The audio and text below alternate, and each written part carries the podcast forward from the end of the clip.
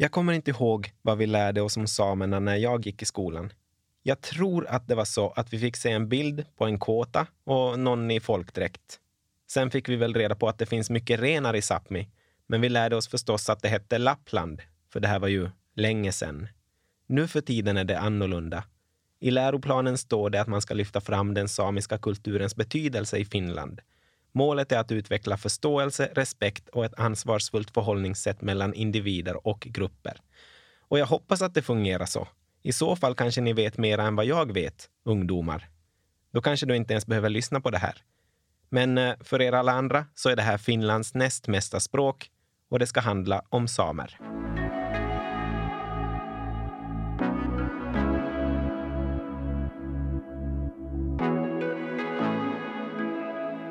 Välkomna ska ni vara till Finlands näst mesta språk och det ska handla om samer och utbildning.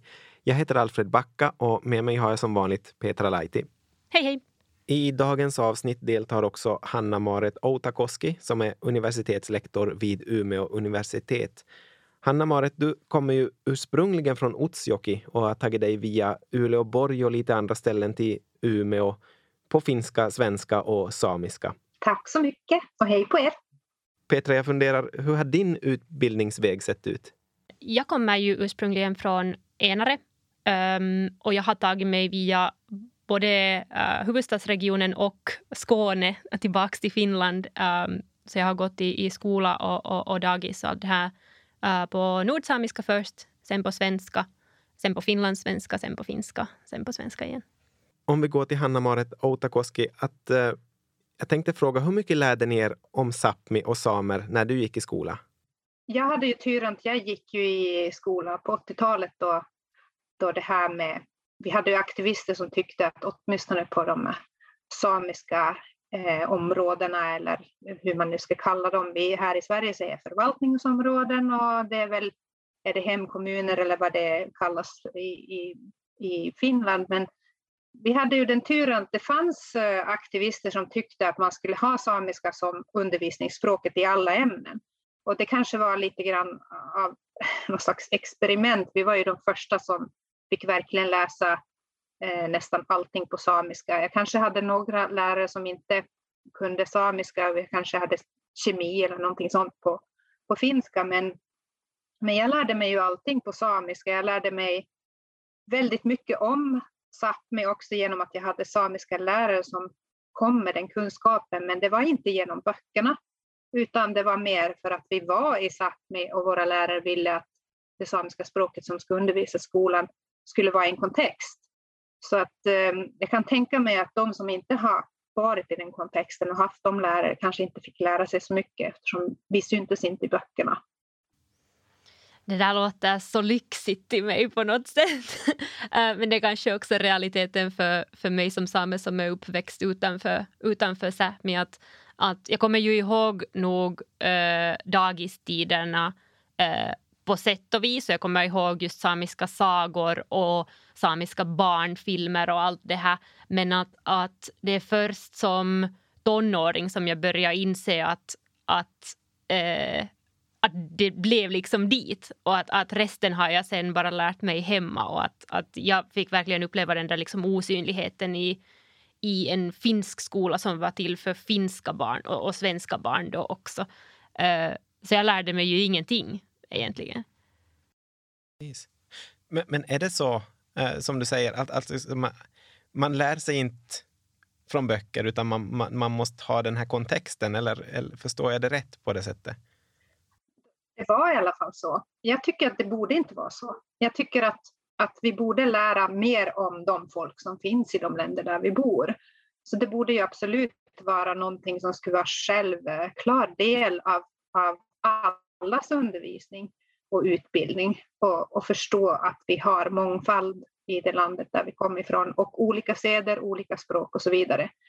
Um, vi lärde oss lite grann om eh, finlandssvenskar, men inte jättemycket. Vi visste att språket talas i vissa områden och så, men inte så mycket mer. Eh, och sen kanske med historia så förstod man att det hänger ihop med... med. Så det, jag tror att det är det att vi kanske inte... Att, att Finland har kanske på något sätt eh, gömt, men det är inte bara Finland. Här i Sverige så får ju inte någon lära sig någonting om samer. Jag såg mina barns SO-böcker och eh, i femman och sexan och tittade, det fanns två sidor om samer och den bilden som fanns det var renar och gruvdrift eh, på samma sida. Ehm, så att det är ju förstås också hur vi representeras, inte bara hur mycket vi representeras, utan hur vi representeras i de här böckerna och vad som kommer fram, vem som bestämmer det. Så jag tror att det är inte alls konstigt att minoriteter inte syns så mycket i, i nationella böcker, men det borde verkligen synas. Och sen kan jag också säga så här att jag hade ju kanske inte den lyxen att ha samiska hemma när jag var liten, så att mina föräldrar valde att inte tala samiska när jag var alldeles liten, utan det var först um, när min pappa hittade en samisktalande fru när jag var lite, lite större, alltså kanske nio, tio någonting, då samiska blev också uh, hemmets uh, aktiva språk. Inte bara det som jag hade i skolan och hos släkten, utan att vi även hemma började använda det. Så, att, um, så jag, jag vet att det finns så många olika vägar till språk. Så att jag känner ju att åh, jag hade ju gärna haft den lyxen att ha språket hemma sedan jag var alldeles liten. Um, men att jag har i alla fall haft turen att den har stärkts i, i skolan. Hur skulle ni säga att den samiska kulturen förändras när eh, folk flyttar från Sápmi? Alltså jag vill tänka mig som så här att, att eh, så länge som det finns också en, en rörelse tillbaks mot Sápmi så kan ju kulturen bara bli liksom rikare och, och mer mångfaldig. För jag tycker att, att det har nog varit rätt länge en, en trend att man eh, åker någon annanstans för att utbilda sig. Och det har också att göra med helt praktiska skäl, att, att det inte finns högskolor uh, i, i alla samiska trakter och så vidare. Att, att vill man ha en utbildning så måste man röra på sig åtminstone lite. Men att, att, att så länge som den där kunskapen också sen vid något skede kommer tillbaka tillbaka till Sápmi så ser jag det som en fördel nästan att samerna rör på sig mycket. För vi liksom ett mycket väl nätverkat och ett internationellt och kunnigt folk tycker jag på det sättet. Men att, att um, jag tror kanske det, det, som, eh, det som det syns mest i sådär och snabbast i är ju sen just språket. Att, att om man sen flyttar bort så uh, möjligheterna till att lära sig språket uh, blir ju liksom helt, helt annorlunda. Och, och det är ju en jättestor fråga i, i Finland också det här med att hur ska barnen få just uh, undervisning på, på samiska och om samer uh, i, i sådana omgivningar där det inte, man är inte liksom van att tänka på det. Jag är ju en av dem som har flyttat bort från Sápmi och försökt etablera då egen familj i ett område som mm, är i det sydliga samiska området där inte mitt språk talas.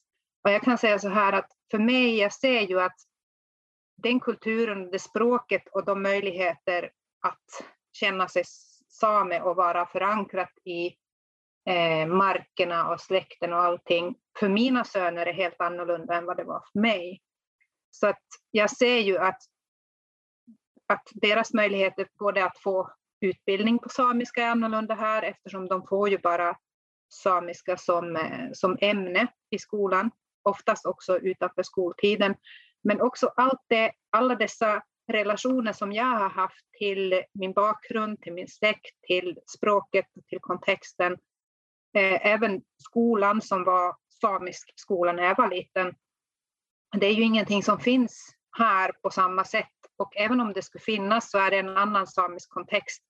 Ehm, så att, ehm, jag kanske som en, som en mamma så sörjer jag när jag ser hur annorlunda ehm, erfarenhet av, av, av att vara same mina, mina söner har än vad jag hade som liksom växte upp, att det var som en naturlig del som jag inte behövde tänka på så mycket. Medan här måste jag stärka deras identitet jättemycket eftersom det inte finns i skolan eh, och så vidare.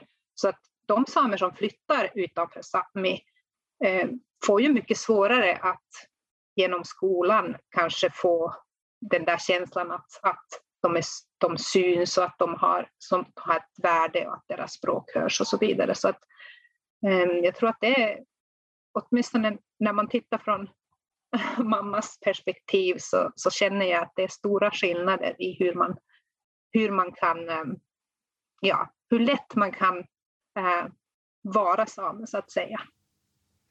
Mm. Eh, om jag funderar på eh, liksom en, en mer utopistisk bild av hur det skulle vara att gå i, i skola som en same. Så okay, nu nu, min vy är ju jätteannorlunda för att jag har ju inte fått uppleva det alls. Men, men det som jag tycker är intressant nu är att jag har ju ändå gått i en minoritetsskola då jag har gått på lågstadiet i en finlandssvensk skola. Eh, och det var i Tammerfors där alla svenska talande barn gick i samma skola. Eh, så det var också då även om kanske inte alla finlandssvenskar har en minoritetsidentitet i sig, så i den stan var det jättestarkt att här är vi alla i den här skolan och, och det finns inga andra utanför. Så det var en jättestark minoritetsanda som fanns där. För mig så på många sätt så, så den känslan skulle jag önska att, att mina eventuella barn skulle få att, att, att de skulle liksom Eh, det skulle inte behöva vara en samisk skola i sig men att det skulle finnas någon slags liksom känsla av självklarhet att, att de får lära sig till exempel att Sápmi sträcker sig ut över riksgränserna och vad är liksom äh, viktiga samiska kulturella äh, kommuner och byar och, och var, var, är de här samiska, liksom, var, är, var är samiska festivalerna och de här, den här kulturella årsklockan till exempel. Att, att ähm, att det skulle jag vilja liksom flytta över. Och, och ja, om jag fick önska så hade jag gärna haft den lilla byskolan som jag gick i, överallt där samiska barn går, för att vi hade så mycket tid med lärare, vi var nära naturen, vi hade direkt kontakt med språket och kunde göra saker som var relevanta för, för språkinlärningen. Så jag önskar att mina barn, och alla de barn som nu kanske inte bor i de här områdena, att de fick fler möjligheter att använda sitt språk i en relevant kontext där de kände, precis som du säger också, att de kände att det var naturligt att det var att det på något sätt var stärkande för deras minoritetskänsla att, att de har ett värde i sig utan att behöva vara eh, bara osynliga i någon klass. Så att jag, och jag skulle gärna vilja att undervisningen var på samiska i stor del, för att eh, majoritetsspråket eh, lär de sig ändå. Men, eh, men att kunna bli en dag, eh, kunna välja att arbeta på samiska, så måste du ha väldigt, väldigt goda kunskaper i skriv och, lär och, allt, eh, skriv och eh, läs och allting. Så att det är ju det är ju egentligen i skolan man lär sig det. Så att det är ju bara några individer som orkar eh, skaffa sig riktigt bra kunskaper någon annanstans utanför skolan när det är skriva och läsa. Så att ska vi ha någon framtid och människor som kan jobba med språket så måste vi ju också ha det i skolan. Men, men hur, hur, eh, kan du berätta hur det, hur det ser ut idag med, med, med just den, den biten? Ja, alltså vi har ju väldigt sådär, eh, vi har ju de barn som fortfarande lever i Sápmi, som lever i områden där det finns samiska skolor, samiska klasser, där det finns möjligheter att um, att bli tvåspråkig så att säga. Det finns ju inga samiska barn som går i en skola där de bara blir enspråkiga, utan de blir ju tvåspråkiga i majoritetsspråket och i samiskan. Men de blir ju faktiskt tvåspråkiga på alla nivåer. De kan läsa, skriva, de kan förstå, de kan prata om olika saker på två olika språk. Och sen har vi ju sen har vi barn som, eh, mina barn som fortfarande har kanske möjlighet att höra samiska hemma, men har väldigt lite samiska i skolan. Så här i Umeå kommun så är det just nu så är det ju 120 minuter, men det började med 45 minuter utanför skoltiden. Um, och det, ibland är det bara via nätet. Och det är värre för de barn som inte har samiska hemma, för att då blir det som att du läser, säg tyska, 45 minuter. Det, du har som ingen riktig kontakt i det språket annat än just på den lektionen. Så vi har så väldigt många olika skolgångar, även för samiska barn. Ehm, det finns inte heller riktigt någon konsensus mellan de här länderna. Så att vi ser, jag kan säga så här, svenska systemet eh, till viss del ehm, liknar mycket mer det som är i Ryssland ehm, än det som finns i Norge och, Norge och Finland. Så att de är ju olika också beroende på, på länderna. Hur, hur, pass, hur pass bra samarbete finns det mellan länderna då? Eh, det finns samarbete men det, det är ju, skolsystemen är ju olika. Alltså att det är ju inte så att de samiska, alltså Sametingen till exempel har ju inte något inflytande över det stora skolsystemet. Utan det är ju det, och sen har vi här i Sverige har vi ett samiskt skolsystem som är, som är separat. Det finns ju inte inom andra länderna. Eh, det skulle man kunna utveckla till hur bra system som helst. Det har man inte gjort. När det är mer som en på en kommunal nivå till exempel att, att äh, i Utsjoki så är det äh, Utsjoki skola och skolan i, i Sirma tror jag det är äh, som gör sådana här skolbesök, att de besöker varandra över gränsen. Men de har också möjlighet att göra det för att de ligger så pass nära varandra. Äh, att, att det är en jättelokal projekt i sig. Ehm, men att, att, att just att sen när man går till de här nationella nivåerna så sen ja, staten brukar, brukar tänka på en statsnivå helt enkelt. Vi pratade om det tidigare också, men är det liksom... Alltså, du, du sa någonting om att det, liksom, det görs inte så mycket från statlig nivå. Att det är ändå, det, det är som, det, för att samiskan ska överleva så är det ändå liksom upp till samerna.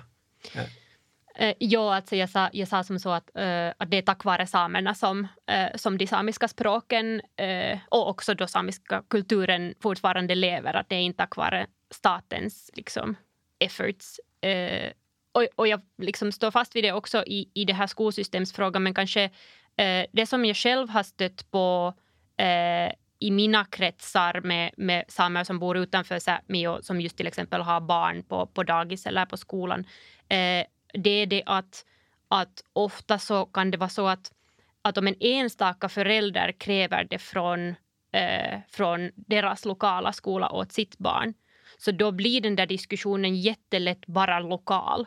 Eh, och att det krävs mycket mera än vad en förälder kan göra eh, Eh, för att liksom få den där diskussionen utspritt i, i andra finska skolor. Så då kan det hända som så att, att kommunen bara konstaterar att okej, okay, det här har vi inte resurser med. Men att, att eh, och så, så vänder sig föräldern till exempel till till eh, Sametinget eller, eller uh, andra organisationer för att få liksom hjälp som de kan hålla på med språket på fritiden. Men att, att det är först nu som det börjar vara i Finland en sån här diskussion om att, att uh, faktiskt uh, liksom räkna ut att vad är behovet av samisk undervisning på samiska i, i områdena utanför Sápmi och vart kan man grunda samiska klasser. Eh, så nu har vi ju en samisk grundskoleklass i, i Böle i Helsingfors eh, och sen talas det om att grunda det eh, också i, i Rovaniemi och i, i Oulu. Men att, att om man tänker sig att den här samiska klassen i Böle är tre, fyra år gammalt och det är den första eh, samiska klassen utanför Sápmi i, i Finland någonsin. Eh, så det visar lite att, att vi är först i början av den där diskussionen. Vad finns det för lösningar på skolnivå för att eh, bevara utrotningshotade språk? Ja, alltså jag jobbar ju på universitetet så att jag, jag försöker i alla fall göra mitt här när det gäller att försöka utbilda blivande lärare. Men eh, det är också lite, redan där har vi utmaningar eftersom vi i Sverige och eh, även i Finland, vi har ju inte någon samisk lärarutbildning. Den enda samiska lärarutbildningen finns i Norge, i Kautokeino och det är ju och det är samiskt på det sättet att där är all undervisning är på samiska. Ehm, eh, och ehm, redan där så ser vi ju att det är ju svårt om vi inte kan utbilda lärare så, så är det ju redan väldigt stora utmaningar i skolan. Men sen när man tittar på skolsystemet här i Sverige till exempel, där vi har faktiskt ett, ett, ett eget sameskolsystem, så finns det ju fem samiska skolor. Eh, men um, då skulle man ju kunna tänka sig att man följer lagstiftningen som säger att ja, men Sameskolan ska ha undervisning på samiska och svenska, men det står ingenting om procent hur mycket.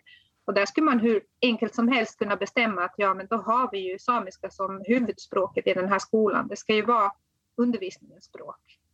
Men någonstans finns inte den, um, jag vet inte om det är vilja eller vad det är, så att, så att det finns hela det finns många, många möjligheter som vi skulle ta. Och jag har ju många gånger pratat med både regeringen och med Sametinget och, och så vidare och berättat att här har ni ju möjligheter att verkligen stärka samiskan, men sen händer ju ingenting. Men eh, i Norge så har man i alla fall Um, där har man i alla fall kommit mycket längre, för där har man ju skrivit det i, i lagstiftningen att samiska barn har rätt till sitt språk eh, oavsett var de är och de ska ha samisk undervisning. Ehm, där har de fortfarande lite problem med samer som bor utanför. Där ska det vara en viss storlek på gruppen innan man kan ordna undervisning på skolan. Men där har man i alla fall skrivit det i lagstiftningen att de här rättigheterna finns. Men det är som, som i Finland är det ju just det som vi hör här också. Det är ju lite, det, det är inte så enkelt. Så jag, jag har inga bra recept. Det finns många saker vi skulle kunna göra på en gång.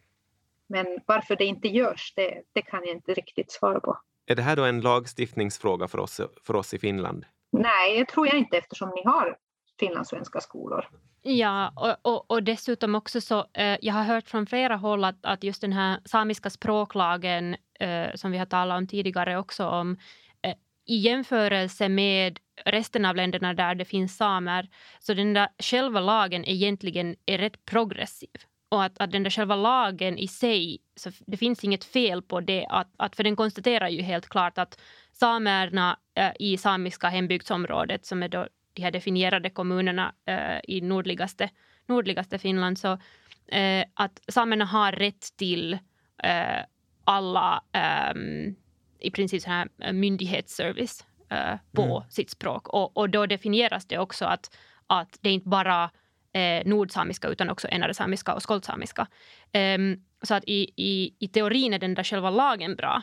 Men att, att um, den där lagen uppfylls ju inte med passivitet helt enkelt. Skulle distansundervisning kunna vara någonting som man skulle kunna använda sig av i större utsträckning? Jag tycker att distansundervisning är ju något som vi är nästan proffsiga på den, egentligen. Jo, alltså det finns, ju, det finns ju väldigt många fördelar med distansutbildningar och sen finns det nackdelar förstås. Eh, det handlar ju allt om till exempel elevernas ålder och så vidare. Så de minsta barnen ska vi ju inte sätta framför en dator och hoppas att de lär sig ett språk på det sättet. Eh, däremot så, så finns det ju barn som bor på områden där de inte har några andra kontakter med samer som, som behöver verkligen få en möjlighet att göra det och då är ju distans eller fjärrundervisning är ju jättebra möjlighet. Men jag har även tidigare i vissa Eh, så nyhetsinslag eh, varit lite kritisk till det att till exempel här i Sverige så har ju Skolverket då tyckt att ja, men det här med fjärrundervisning är ju svaret på allting. För det är ju inte det om vi inte har lärare som eh, har fått fortbildning i hur man undervisar via nätet, om det inte finns resurser, undervisningsmaterial, stöd, stödfunktioner eh, och så vidare. Så det är inte att vi har nu datorer och kan mötas så här till exempel eh, ehm, med varandra ehm, så betyder inte det att det är pedagogiskt eller att det är enkelt att ordna eller att det blir bra för läraren eller eleverna.